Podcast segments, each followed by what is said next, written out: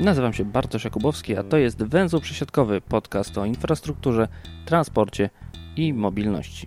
Jeżeli podoba Ci się to, co robię, lubisz słuchać tego podcastu, jest on dla Ciebie wartościowy, zapraszam do wsparcia go na patronite.pl przesiadkowy. Jak już zdążyliście zauważyć, temat lokalnego transportu zbiorowego oraz Funduszu Rozwoju Połączeń Autobusowych przewija się w węźle przesiadkowym od początku. I ten odcinek również będzie na ten temat, dlatego że nowy rok to nowe przewozy, nowy nabór tego funduszu i zupełnie nowa aktywność samorządów w tym właśnie zakresie. I choć nabór na tegoroczną edycję dofinansowania z Funduszu Rozwoju Połączeń Autobusowych odbył się bardzo późno, bo zakończył się 15 grudnia, to już od nowego roku udało się uruchomić trochę przewozów. Mm, chociaż nie obyło się to bez problemów, bo jak się okazało w czterech województwach zabrakło pieniędzy, to znaczy wnioski złożono na kwoty wyższe niż przewidział to ustawodawca e, i są to województwa pomorskie, śląskie, mazowieckie i podkarpackie. E, no a to, że sam nabór był zrealizowany tak późno, no też niesie ze sobą takie skutki, że na przykład w Łódzkiem i Kujawsko-Pomorskim wciąż nie publikowano wyników podobnie jak w Mazowieckim zresztą, gdzie podano nie właśnie kwotę, na jaką złożone zostały wnioski i ta kwota jest e, niestety wyższa od tego, ile pieniędzy wojewoda może samorządom rozdać. No i to, jak e, ten nabór był przeprowadzany, miało niestety poważne skutki, bo na przykład w powiecie ostrołęckim 11 linii nie wyjechało, ponieważ wciąż organizator przewozów, czyli właśnie powiat ostrołęcki, ciągle nie ma decyzji na temat tego, czy dotrzyma to dofinansowanie, czy też nie. W Małopolsce na przykład poszło problem nieco bardziej formalny, to znaczy Urząd Marszałkowski nie wydał zaświadczenia e, o realizacji przewozów w ramach publicznego transportu zbiorowego operatorowi obsługującemu linię Kraków-Myślenice, więc ten nie mógł zacząć jeździć, chociaż formalnie wszystko byłoby już gotowe. Z kolei w powiecie lubelskim nie wyruszyły cztery linie łączące gminy Bychawa i Wysokie, bo operator nie zdążył uzyskać zgód na obsługę przystanków, zatem no, ten nabór realizowany na ostatnią chwilę ma swoje bardzo, bardzo poważne skutki. Po prostu robienie czegoś na ostatnią chwilę zazwyczaj się nie udaje. Ale mimo tych wszystkich problemów, widać, że zainteresowanie samorządów organizacją transportu publicznego stale rośnie i wciąż z każdego kawałka kraju są kolejne wiadomości o tym, że czy to dany powiat, czy dana gmina uruchomiła nowe przewozy lub że mieszkańcy są niezadowoleni, kiedy wójt lub starosta nie sięgnęli po pieniądze, żeby uruchomić przewozy, kiedy na przykład w sytuacji, nie brakuje takich sytuacji w całym kraju, przewozik komercyjny zawiesił kursowanie połączeń. Niestety nadal jest całkiem sporo gmin i powiatów y, i województw też, gdzie to zainteresowanie jest stosunkowo niskie, no bo przykładowo w województwie lubelskim, zachodniopomorskim czy podlaskim pieniędzy po naborze zostało bardzo wiele, w kilkadziesiąt milionów złotych są to kwoty idące. No, raczej nie powiemy, że są to miejsca, w których problem wykluczenia transportowego nie występuje. W drugiej części przechodzimy ze skali mikro, e, znaczy, jeszcze raz. W drugiej części przechodzimy ze skali makro do skali mikro, czyli jak to wygląda z punktu widzenia powiatowego przewoźnika. I to powiatowego przewoźnika, który dostał z FRPA naprawdę dużo. Moim gościem jest Piotr Chwalski, PKS Słupsk. Witam serdecznie. Dzień dobry, witam. Jak to jest dostać na gwiazdkę 9 milionów 200 tysięcy złotych na przewozy autobusowe?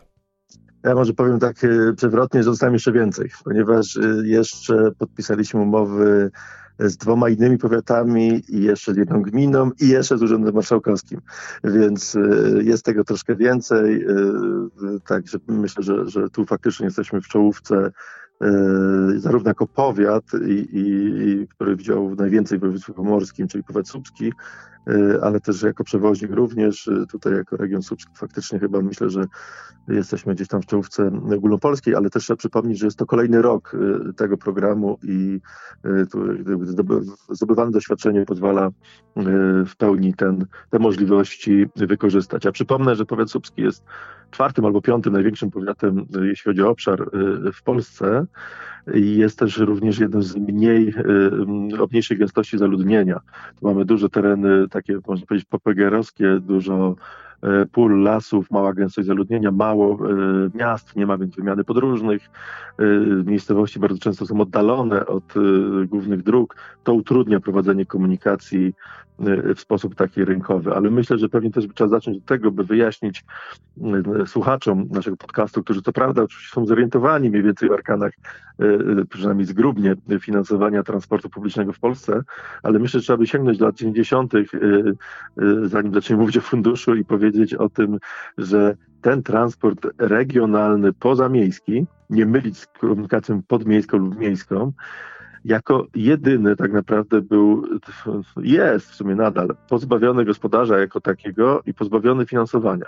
Ponieważ uwaga, to finansowanie w postaci refundacji za bilety ulgowe jest tak naprawdę tylko właśnie refundacją i ona y, powiedzmy sobie przez jakiś czas działało i ratowało y, te linie, jednakże wobec kryzysu pandemii, ale też i wcześniejszego powiedzmy lawinowej rozwoju lawinowej motoryzacji i degradacji tego transportu publicznego, który niejako siłą rozbiegu działał jeszcze od lat 80. i 90. w miarę w jako takim stanie. Już finansowanie jedyne, które było w postaci dopłat do ulg, nie działało, a wytłumaczę dlaczego. Dlatego, że ono finansowało tych, którzy sobie lepiej radzą. Czyli mówiąc krótko, miałem dużo y, dzieci z kursów szkolnych, czy młodzieży dojeżdżających na studia, czy do szkół, dostawałem dużo dopłaty. Problemem były linie te, na których jeździło, nie wiem, 10 osób. Co z tego, że dostałem dopłatę, y, która wynosiła razem 1000 zł i ona nie pokrywała nawet y, jakiejś tam jednej trzeciej czy jednej czwartej kosztów y, bezpośrednich wykonywania tego połączenia. Więc fundusz tutaj jest pierwszym narzędziem, które likwiduje tą mm, swego rodzaju niesprawiedliwość, która polegała na tym, że ludzie z terenów i transport na terenach pozamiejskich, na terenach, gdzie jest najniższe PKB i najniższe dochody y, y, ludności, jako jedyny był zostawiony od lat 90. wolnemu rynkowi. Transport miejski jest w zasadzie w każdym mieście dotowany w co najmniej 50% przez miasta. Miasta zazwyczaj są bogatsze, mieszkańcy miast mają więcej pieniędzy, a transport mają dotowany w bardzo wysokim stopniu. Transport kolejowy, wiemy dobrze, jest dotowany y, przez marszałków czy przez państwo bardzo dużymi dotacjami y, i, i, i on oczywiście faktycznie działa, się rozwija. Ten transport miejski faktycznie widzimy w miastach, zwłaszcza w ostatnich 10 latach, masowo wymienia tabor, rozwija się. Zazwyczaj jest, jest on faktycznie już realnie lepszy. Ta jedna trzecia tortu, można powiedzieć, która była zostawiona, tu mamy kolej, komunikację miejską, transport regionalny, była zostawiona, no nie wiemy czemu w zasadzie, że tam miał działać wolny rynek, niewidzialna ręka rynku. Y, teraz to się jak gdyby kończy i fundusz faktycznie jest tym narzędziem, które mm, pozwala jakoś również stworzyć realne ramy finansowania y, tej działki, można powiedzieć tak.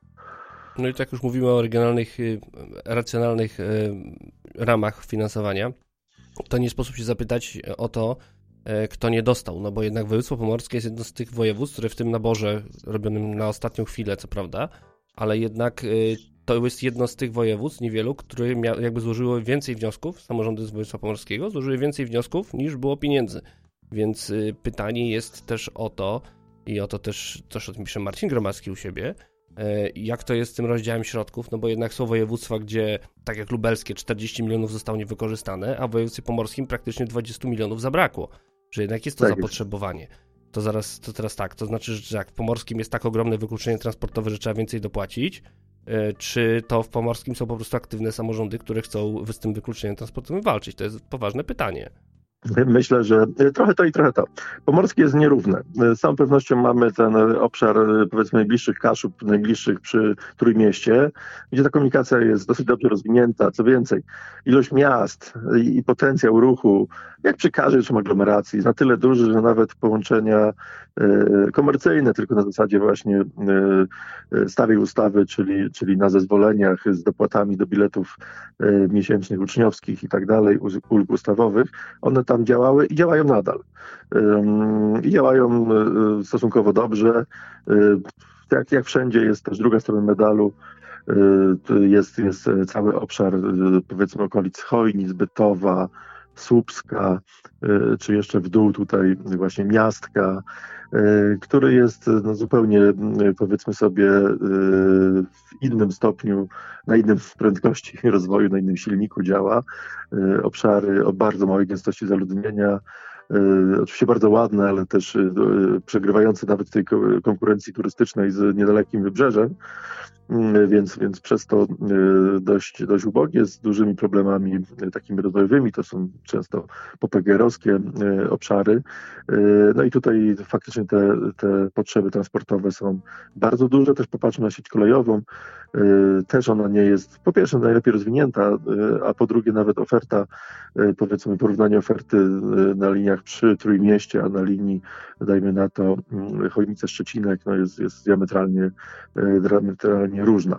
Więc tu widzimy, że te potrzeby są. Ale teraz dojdziemy właśnie do tego, że Mamy narzędzie, którym jest fundusz. E, on wymaga niestety poprawek. Ten trzeci rok działania pokazuje, że pilne i konieczne jest poprawienie tego narzędzia, które samo w sobie w idei jest bardzo dobre, w wykonaniu, w realiach e, ma wiele do życzenia. Już nawet to, że po zeszłym roku, kiedy zabrakło tak naprawdę w trzech regionach, e, na Mazowszu, w, na Pomorzu i w Podkarpackim, uwaga, w naborze tegorocznym...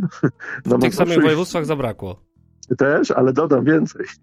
Było mniej pieniędzy. Mniej pieniędzy było w Pomorskim i w Mazowieckim, co wiadomo, niecały milion, z tego co pamiętam, ale mniej. No to, to coś pokazuje, że coś nie działa, że, że narzędzie jest złe. Skoro brakło, a my jeszcze im zabieramy, e, tym, którzy, którzy, dla których brakło, E, to pokazuje, że to nie jest, e, no, że wymaga to jakiejś pilnej poprawy.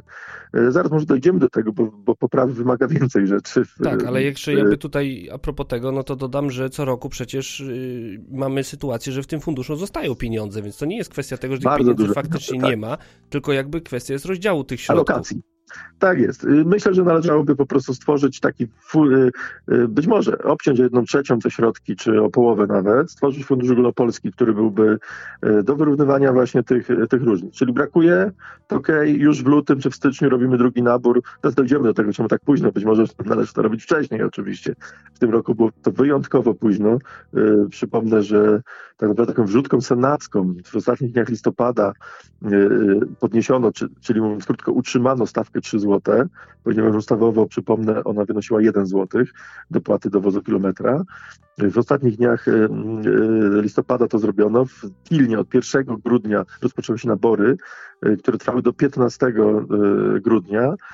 Tak naprawdę to na gwiazdkę jeszcze nie było w bardzo wielu województwach wyników. Do dziś nie ma, na przykład w łódzkim do dzisiaj nie wiadomo, kto, kto dostał, tak a kto nie dostał. Jest, tak jest. Ja chciałem powiedzieć właśnie, że niektórzy się dowiadywali w Sylwestra, że od nowego roku mają zacząć, znaczy mają organizować komunikację, bo de facto to dowiadywali się organizatorzy póki co, czyli samorządy. Więc to wymaga zmian. To jest, myślę, takie oczywiście choroby wieku dziecięcego tej ustawy. Jest jeszcze jedna, y, jedna rzecz, bo nawiążę do tych pieniędzy, które zostawały, typu 40 milionów, w zachodniopomorskim ponad 20 milionów, y, kolejny rok. Chociaż to widać, że wykorzystanie jest większe. Nie było regionu, gdzie te spadły te, te, te, te alokacje. Wszędzie wzrosły, ale nadal zostało bardzo wiele. No mamy tu taką sytuację, akurat pracuję na granicy województwa zachodniopomorskiego y, z powiatem słowieńskim. Y, no i tam zostało właśnie około 20 milionów zachodniopomorskim. W pomorskim 20 milionów brakło. To też pokazuje, że coś jest nie tak z tym kluczem y, dzielenia. Czyli w jakiś elastyczny sposób należy zapewnić dystrybucję środków między regionami regionami. Ale osobną rzeczą, dlaczego tych pieniędzy brakuje, ja widzę to tutaj chociażby województwa pomorskiego, przepraszam, jest kwestia sposobu dzielenia tych środków. W tej chwili dzieli się od dołu do góry. Wydaje się to sensowne. Najpierw gminy, później związki gmin, powiatów, związki powiatów, powiaty yy, i województwo na końcu. Yy, w pomorskim brakło dla właśnie województwa. Według mnie i też doświadczeń tych, które, które już mamy z tych kilku lat, należałoby robić odwrotnie. Yy, no, robimy najpierw linie ponadpowiatowe, które organizuje marszałek, i się organizuje. W wielu województwach, w większości nawet, tego nie robi. W Pomorskim to robi.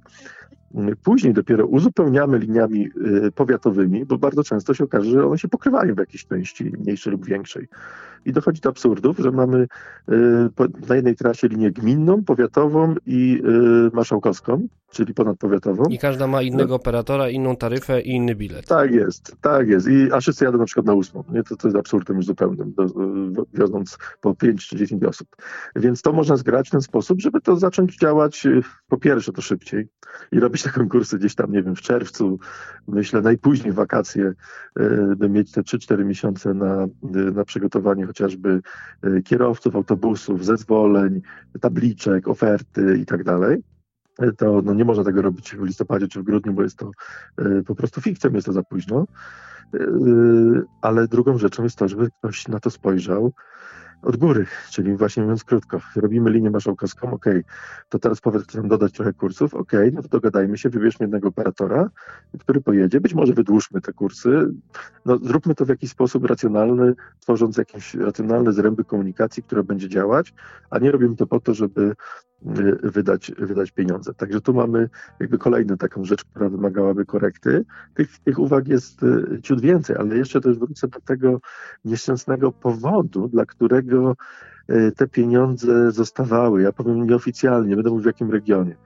Nieoficjalnie od wojewody, w zeszłym roku przynajmniej była taka, taki przekaz był, by powiaty nie składały wniosków do, o dofinansowanie. Mówię o powiatach, ponieważ wiemy, że komunikacja gminna zazwyczaj jest za mała. Ta komunikacja się odbywa raczej właśnie, ten powiat jest tym, właśnie powiaty w końcu się do czegoś przydały, można powiedzieć, że to jest ten stopień samorządu, który akurat fajnie zajmuje się komunikacją, czyli ponad gminną, y, bo, bo, bo zwykle te podróże nie zamykają się w ramach jednej gminy naszych y, mieszkańców, y, a z kolei powiedzmy sobie województwa, te duże nasze, te 16 regionów są ciut za duże, żeby zajmować się komunikacją gdzieś tam z wsi A do B. E, powiat jest tym stopniem, który faktycznie to ładnie spina te potrzeby gminne i powiatowe w ramach swojej jak gdyby e, struktury. Ale wrócę do tego, o czym, o czym zacząłem mówić. Wojewodowie dawali taki przekaz, ponieważ e, taki był jakby duch przedstawiany tej, tej, tych przepisów, że środki, które nie zostaną wykorzystane, zostaną przeznaczone na rozwój, uwaga, tu nowość zupełna, sieci drogowej, jak zwykle. Wiadomo, że na drogi można wydać przedmiotowy zylion złotych i był taki nie, niepisany przekaz. Nie składajcie wniosków, pod koniec roku być może dostaniecie na tą obwodnicę Koziej Wólki, czy tam dofinansowanie na kolejne kilometry dróg. Wiadomo, że samorządowcy kochają budować drogi, niezależnie od szczebla samorządu, i jakiekolwiek środki by nie były, byłyby wydane. Więc to jest, y, y, trzeba to jakby całkowicie wyeliminować i powiedzieć, że te środki niewykorzystane przepadają, wracają do puli, są dzielone między regiony, które chcą je wykorzystać, by Chciałbym, żeby ci wojewodowie i, i niżej marszałkowie i, i, starości wręcz konkurowali w to, w tym, by stworzyć lepsze sieci, więcej wykorzystać środki, wiedząc, że one przepadną, a nie, że będą mieli tą możliwość teoretyczną pozostawienia ich w regionie na te nieskończone, niemożebne potrzeby drogowe. Więc to jest jakby taka kolejna rzecz, którą należałoby przy tym finansowaniu i tym modelu zmienić i poprawić. Jest tego więcej, myślę, że za chwilę do tego dojdziemy, co jeszcze należałoby poprawić ewentualnie, by to działało. To ja się odniosę do tego, co pan pisze publicznie, a mianowicie chodzi o y, branie pieniędzy z FRPA na autobusy typowo szkolne, czyli kursujące w dni nauki szkolnej. Ja o to dopytam dlatego, że po pierwsze dopytać, ile kursów takich PKS Subsk uruchamia, które jeżdżą nie w dni szkolne, ale w dni robocze, albo w ogóle nie są uzależnione od szkoły.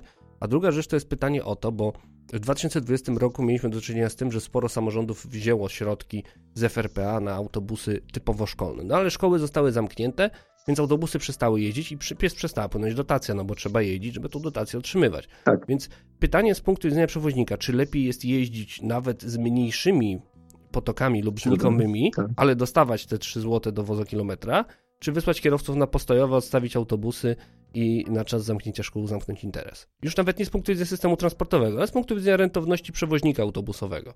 To już, już mówię. To jest tak, to jest, y, tu są właśnie dwie szkoły. Y, uważam, taka stara, zła szkoła mówi o tym, że szkoły zamknięte, to nie ma ludzi, to nie jeździmy. I odcinamy de facto czasami całe wsie i całe gminy od transportu publicznego. Uważam, że fundusz jest właśnie po to, by jeździć, nawet na tak zwaną niepogodę. E, czyli jeździmy również w ferie, jeździmy również w piątek po Bożym Ciele, e, jeździmy również, bo ludzie wtedy też mają potrzeby transportowe i yy, wspomniałem o tych feriach i wakacjach, powiem tak, no, co roku jest taka, taka sytuacja w gminach, w których odbywa się komunikacja zamknięta, a są jeszcze nadal takie, komunikacja zamknięta szkolna, czyli kursy szkolne zamknięta, to powinienem powiedzieć w cudzysłowie, ale to ciężko jest w mowie wyrazić, ponieważ co się dzieje? Przychodzą ferie albo wakacje i ci ludzie przychodzą do przewoźników typu PKS czy innych takich e, bardziej solidnych e, i e, mówią, uruchomcie do naszej wsi, bo nie mamy dojazdu. A jak to nie macie dojazdu? No bo wie pan, tu jest taka firma tam, niech będzie Zenex, dajmy na to, mam nadzieję, że takiej nie ma. Istnieje, ale I... zajmuje się czymś innym, naprawdę istnieje Jezu, firma Zenex. Szczęście no to Januszek niech będzie. I, I ta firma, y, no mówiąc krótko, kierowca jeździ kursem szkolnym, on oficjalnie szkolny, tylko w linijki szkolne, my sobie dojeżdżamy do urzędu, do lekarza, do pracy, dajemy dwa złote w czapkę kierowcy i wszystko gra. No ale wakacje, cholera, no nie jeżdżą. I teraz fajnie, jakbyście wy pojeździli. Ja wtedy odpowiadam, że my nie zajmujemy się sprzątaniem po kimś. Albo robimy porządny system, który działa cały rok, albo nie bawimy się w tego typu rzeczy. Mamy nadal jeszcze trochę kursów oznaczonych S, czyli kursy z nauki szkolnej, ale to są właśnie zwykle albo takie umowy z gminami, o których wspomniałem, to są to kursy mniej lub bardziej zamknięte, służące faktycznie wprost dowozom jakiejś tam relacji między, między szkołami czy do szkół, yy, yy, jakichś tam zbiorczych i tego typu. Yy, jednakże w każdym tym punkcie już teraz w zasadzie negocjujemy z gminami, by przechodzić na otwarcie tych kursów, uruchamianie normalnej komunikacji, która służy wszystkim. Jest to mały problem dotyczący braku regulowania, znaczy niejasność w przepisach dotycząca tak zwanych opiekunek i opieki nad, e, nad uczniami. To są różne interpretacje, gminy w różny sposób to załatwiają. Jako przewoźnik nie chce się, czy operator, no to tak też powinno mówić, nie chce się w tym temacie wypowiadać, ale jest to nieuregulowane. Przyznam, to następuje z kolei przegięcie w drugą stronę. Mamy sytuację taką, że nie wiem, moje czy pana dziecko w mieście, obojętnie jakim, małym czy dużym, nikogo nie obchodzi, jak ono trafi do szkoły. Czy one pół dnia, znaczy, czy one idzie pół godziny chodnikiem, przechodzi przez 10 skrzyżowań, y, czy jedzie autobusem miejskim, nikogo to nie obchodzi, ma być. Tymczasem na terenach wiejskich, często na tych drogach nie ma zupełnie ruchu, bo też tak jest, te biedne gminy wiejskie y, mają zadanie ustawowe dowozu każdego dziecka, y, y, praktycznie każdego dziecka, tam powyżej chyba kilometra, nie pamiętam, mieszkającego od szkoły do, do szkoły. Robią to w różny sposób, żeby było jasne. Wykorzystują czasami przepisy no, w różny sposób, by te koszty zmniejszyć i tę komunikację zorganizować, bardzo różny sposób. Ja namawiam, by jednak nie robić jakiejś specjalnej komunikacji osobnej dla, nie wiem, niepełnosprawnej, osobnej do dzieci dowozu do szkół, bo te biedne wiejskie gminy yy, mówią zwykle, tak mówiły zwykle, że nie miały pieniędzy. A miały te pieniądze, tylko one szły na rzeczy, których one nie łączyły jakby do kupy. Nic się nikomu nie stanie, jeśli dzieci pojadą yy, yy, razem po prostu autobusem z, nie wiem, paniami, które jadą do, do urzędu, czy do, na zakupy, czy do lekarza, y, czy panami. Nic się nie stanie, to jest y, w współczesnym taborze zresztą y, monitoring, inne rzeczy. No, nie, nie róbmy jakby z tych dzieci też takich jakby można powiedzieć Y, przesadnie ofiar. Zapewniamy komunikację, nie wykluczamy nikogo, wozimy y, w sposób ekonomiczny, czyli nie, że jadą dwa, trzy autobusy osobno, tylko robimy tabor, który jest dostępny dla niepełnosprawnych, jest dostępny dla dzieci, jest dostępny dla y, osób, które normalnie podróżują. I to jest, myślę, wyjście z. I jest, i, aha, no i przede wszystkim i kursuje cały rok. Kursuje cały rok. Kwestia, oczywiście mówimy na razie o dniach roboczych, zacznijmy to, zróbmy, później dochodzimy do tego, że również oczywiście ta komunikacja powinna w mniejszej y, ilości, ale funkcjonować y, również y, w weekendy. No ale to, o czym mówię, jest jakimś zupełnym, myślę, dla wielu, wielu, wielu, wielu, wielu regionów i gmin fantastyką, bo na razie, jeśli gdziekolwiek funkcjonuje jakaś komunikacja, to myślę, że w większości albo przynajmniej w połowie miejscowości sołeckich jest to po prostu kurs rano do szkoły i kurs po południu ze szkoły i to jest całe, mm, e, cała komunikacja, która, e, która jest. Z tym należy walczyć. To nie powinno mieć miejsca. Ja miałem na temat dyskusję właśnie też z również wspomnianym Marcinem Gromackim, który mówił, że lepiej tak zacząć, ale zrobić je jak otwarte i namawiać do tego, żeby jako taki zaczyn i by funkcjonowały cały rok, a nie w S i, i, i później zagęszczać ewentualnie tę ofertę, by ten autobus co zawsze najbardziej jest irytujące, że te autobusy i ci kierowcy, których tak brakuje, stoją cały dzień. Od 8 czy 8.30 do 13 czy 14 one nie robią nic, a mogliby dojechać do 10, dowieźć ludzi do urzędu, dowieźć ludzi do lekarza, czy właśnie do yy, placówek handlowych czy usługowych, wrócić jeszcze, jeszcze raz y, podjechać. Yy, te koszty zmienne w postaci paliwa, bo to jest jedyna tu zmienna, która dochodzi, to nawet nie jest jedna trzecia kosztów. I tak naprawdę to właśnie fundusz daje te, też te pieniądze, by w bardziej ekonomiczny sposób wykorzystać tabor i wykorzystać ludzi. Ponieważ nie możemy mówić o żadnej ekonomii i ktoś mówi, że 3 zł, 3,30, dokładnie 3,34 to jest za mało, by pokryć koszty. To jest za mało w jednym wypadku, kiedy są tylko dwa kursy. No przepraszam, z 15 km w jedną stronę i z 15 w drugą, w ciągu dnia i tylko w ciągu dni szkolnych, no nie utrzymamy kierowcy, nie utrzymamy autobusu, nie utrzymamy kogoś, kto to organizuje. E, to są po prostu za małe pieniądze. Ale kiedy ten sam kierowca wykona nie 15, a 5, 6, 8 par kursów, mówimy, że zupełnie te koszty stałe rozkładają się na koszty stałe w postaci kosztu autobusu, kosztu y, kierowcy, rozkładają się na zupełnie inne y, wartości. I to jest to, co tutaj próbuję edukować od dłuższego czasu. Y, zresztą to samo, co robiłem wcześniej, chociażby w kolejach. Sukcesem kolei było też to, że po prostu jeździły dużo. Tak to wygląda, jeśli chodzi o te kursy szkolne. Ja jestem za tym, by jednak nie robić tego typu rzeczy. Jest to sprzeczne z ideą walki z wykluczeniem transportowym, a fundusz był powołany po to, by jednak z tym wykluczeniem walczyć, a nie powodować zmniejszenie kosztów y, dla gmin, jeśli chodzi o zadanie ustawowe w postaci dowozu do szkół. Tak już walczymy, to teraz jeszcze ostatnie pytanie. Jak walczyć z pasywnością samorządów, które jakby po te środki nie sięgają? Tak, skoro już mamy y, wiedzę o tym, gdzie takie samorządy są, i czytamy, że na terytoriach tych samorządów jak najbardziej problemy są. Nawet zdarzają się sytuacje, tak. w których opozycyjni radni mają pretensje do wójta, że po te pieniądze, czy tam do starosty, że po te pieniądze nie sięgną. To co zrobić, e, żeby te samorządy, te obszary, gdzie problemy są, a i występuje pewna pasywność władz, jak sobie z nimi poradzić w takim razie? Ja powiem tak, nie da się zachęcić niczym innym, jak tylko z jednej strony kartą wyborczą i tutaj za rok wszystko na to wskazuje, że za rok, może za półtora, znaczy może ciut więcej y, będzie, czy za dwa będą wybory y, samorządowe i to myślę, że transport będzie, i mam nadzieję, że do tego czasu transport będzie jednym z głośniejszych tematów. Dlaczego? Transport jest bardzo, można powiedzieć, stosunkowo za małe pieniądze, docieramy do bardzo wielu ludzi. Dobrze zorganizowany transport jest widoczny nie tylko dla tych, którzy z niego korzystają, ale również dla wszystkich pozostałych. Oni widzą te autobusy, o, coś jeździ, faktycznie gmina się rozwija. Nie muszę z tego korzystać, by wiedzieć, że mam ten, tą możliwość. Ja nie muszę chodzić do opery, tylko cieszę się, że jest w danym mieście, tak? I podobnie z transportem. Jeśli wiem, że on jest, to wiem, że czasem będę mógł z niego skorzystać i faktycznie ten wójt, starosta, burmistrz fajnie, fajnie zarządza i, i rozwija gminę w sposób bardzo tani, bo mówimy o kosztach rzędu często utrzymania takiego transportu w gminie rzędu y, kilometra remontowanej drogi. To, to, są, a ten kilometr drogi służy 300-400 osobom. Y, tymczasem ta komunikacja służy wszystkim y, praktycznie w gminie i jest widoczna dla, dla wszystkich. Więc myślę, że ten dobry przykład, tylko że ten dobry przykład, który zadziała później w wyborach, również jak powiedziałem w karcie wyborczej, e, przy samym tej, tym e, e, składaniu podpisu, czy znaczy zakreślaniu to na tej karcie wyboru, musi być poprzedzony czym, no jakąś tam promocją w postaci czego? No być może promocją ogólnopolską funduszu to jest też dobre, można by wyobrazić sobie kampanię zapytaj swojego radnego czy wójta, dlaczego nie masz dojazdu, po uwaga, bo już teraz pada, przy funduszu pada ten argument, który był cały czas, że no, nie ma pieniędzy, pani, nie ma pieniędzy, nie? albo nikt nie jeździ. Yy, to ja zawsze wtedy odpowiadam, no nikt nie jeździ w jedną stronę po to, żeby jechał w drugą, dajmy na to.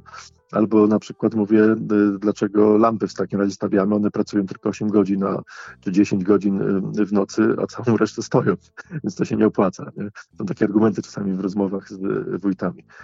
Tymczasem bardzo ważne jest to, by tu była to odpowiednia jakość. My nie zachęcimy Mm, to nie będzie się rozwijać przez pączkowanie, jeśli ktoś zobaczy, że w sąsiedniej wsi mają tak, no mają dwie pary autobusów. Panie, pojadę rano i co, cały dzień mam załatwiać sprawy w urzędzie i później ktoś ma mnie odwozić? No nie. To będzie działało, kiedy jest dobra oferta. Mam taką sytuację, no nie będę to mówił między którymi gminami, między którymi powiatami, ale dosłownie. W zeszłym roku powiaty nie pisały, nie składały wniosków. Y, w tym roku dosłownie przez to, że obok, za ich granicą jest 8-10 par świątek, piątek, cały czas, y, w dobrej jakości, autobusów dostępnych dla niepełnosprawnych, dobrze oznaczonych, to przychodzą ludzie, którzy mieszkają dwa kilometry dalej, w sąsiedniej gminie, powiecie, do swojego radnego, wójta, starosty i mówią, a czemu tam można, u nas nie? I on już nie powie jak wcześniej bo nie ma pieniędzy. Te pieniądze są, trzeba sięgnąć po nie. I to jest, y, myślę, dobry przykład i sprzedaż tych dobrych wzorów, że tak powiem, promocja tych dobrych wzorów jest tu kluczowa. Z całą pewnością problemem jest brak kadr. Od lat nie kształcimy w żadnej szkole fachowców y, w temacie transportu publicznego, a w tej chwili chociażby tych te ponad 350 powiatów potrzebuje 350 ludzi co najmniej do tego, by zajęli się na tym poziomie transportem. Kiedy dodamy do tego jeszcze większe gminy, czy E, czy innych ludzi, no po prostu nie ma, nie ma do tego fachowców. E, nie ma się kto tym zająć. Co roku kopiuje się te same przetargi na te same szkoły e, w taki sam sposób, nie patrząc na to, że pieniądze są i trzeba po nie sięgnąć. Ja ostatnio prowadziłem wsparcie takiego projektu społecznego z Fundacji Batorego, gdzie ludzie zgłaszali takie problemy lokalne i tam tych transportowych było kilka. Tak naprawdę trzy czwarte z nich można było rozwiązać za pomocą funduszu. I to w województwach, gdzie te pieniądze zostały. Więc widać, że no, ta świadomość powoli rośnie i ci ludzie się dowiadywali i faktycznie mówili, kurczę, no takie są pieniądze, to nie wiedziałem, to ja już tutaj e, zadziałam i nacisnę. Ale nadal wymaga to ciągle e, e, tak naprawdę trwałej, jakby ciągłej pracy. No i trzeba zmienić niestety tę tą ustawę. Wprowadzić te kryteria ilościowe i jakościowe. Tu zaczęliśmy o tym mówić. By nie było takiej sytuacji, że są dwie pary kursów. Czyli promować czy to stawką, czy w ocenie samej przyznawania, na przykład cykliczny rozkład jazdy, na przykład y, określić minimum czy optymum y, liczby par, zarówno w dni robocze, jak i w weekendy. Y, wprowadzić promocję w postaci wyższej stawki, a niższej po spełnieniu warunków technicznych typu miejsce na wózek, niskie wejście, niska podłoga, klimatyzacja, dajmy na to.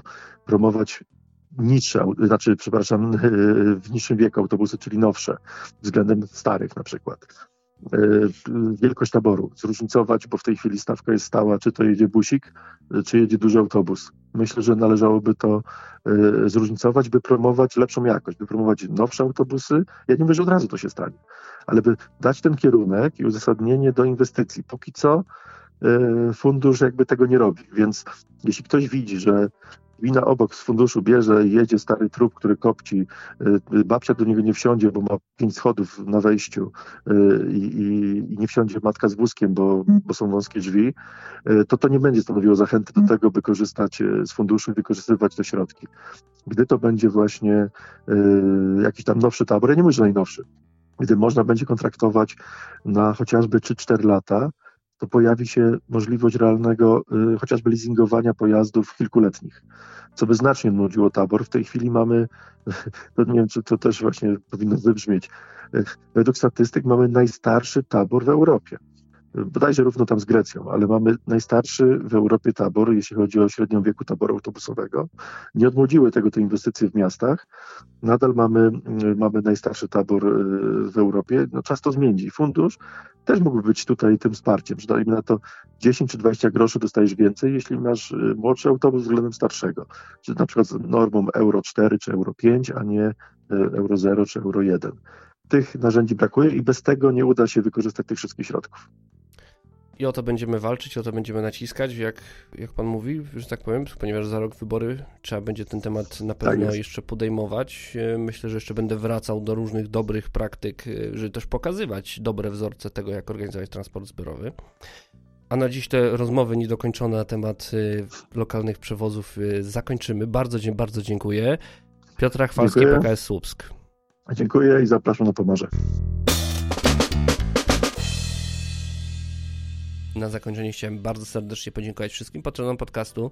Jest już Was bardzo wiele i dzięki Waszemu wsparciu udało się osiągnąć ten najwyższy próg na Patronite, czyli y, studio przesiadkowe. Studio przesiadkowe, jak słyszycie, działa, choć jeszcze nie jest w pełni wyposażone.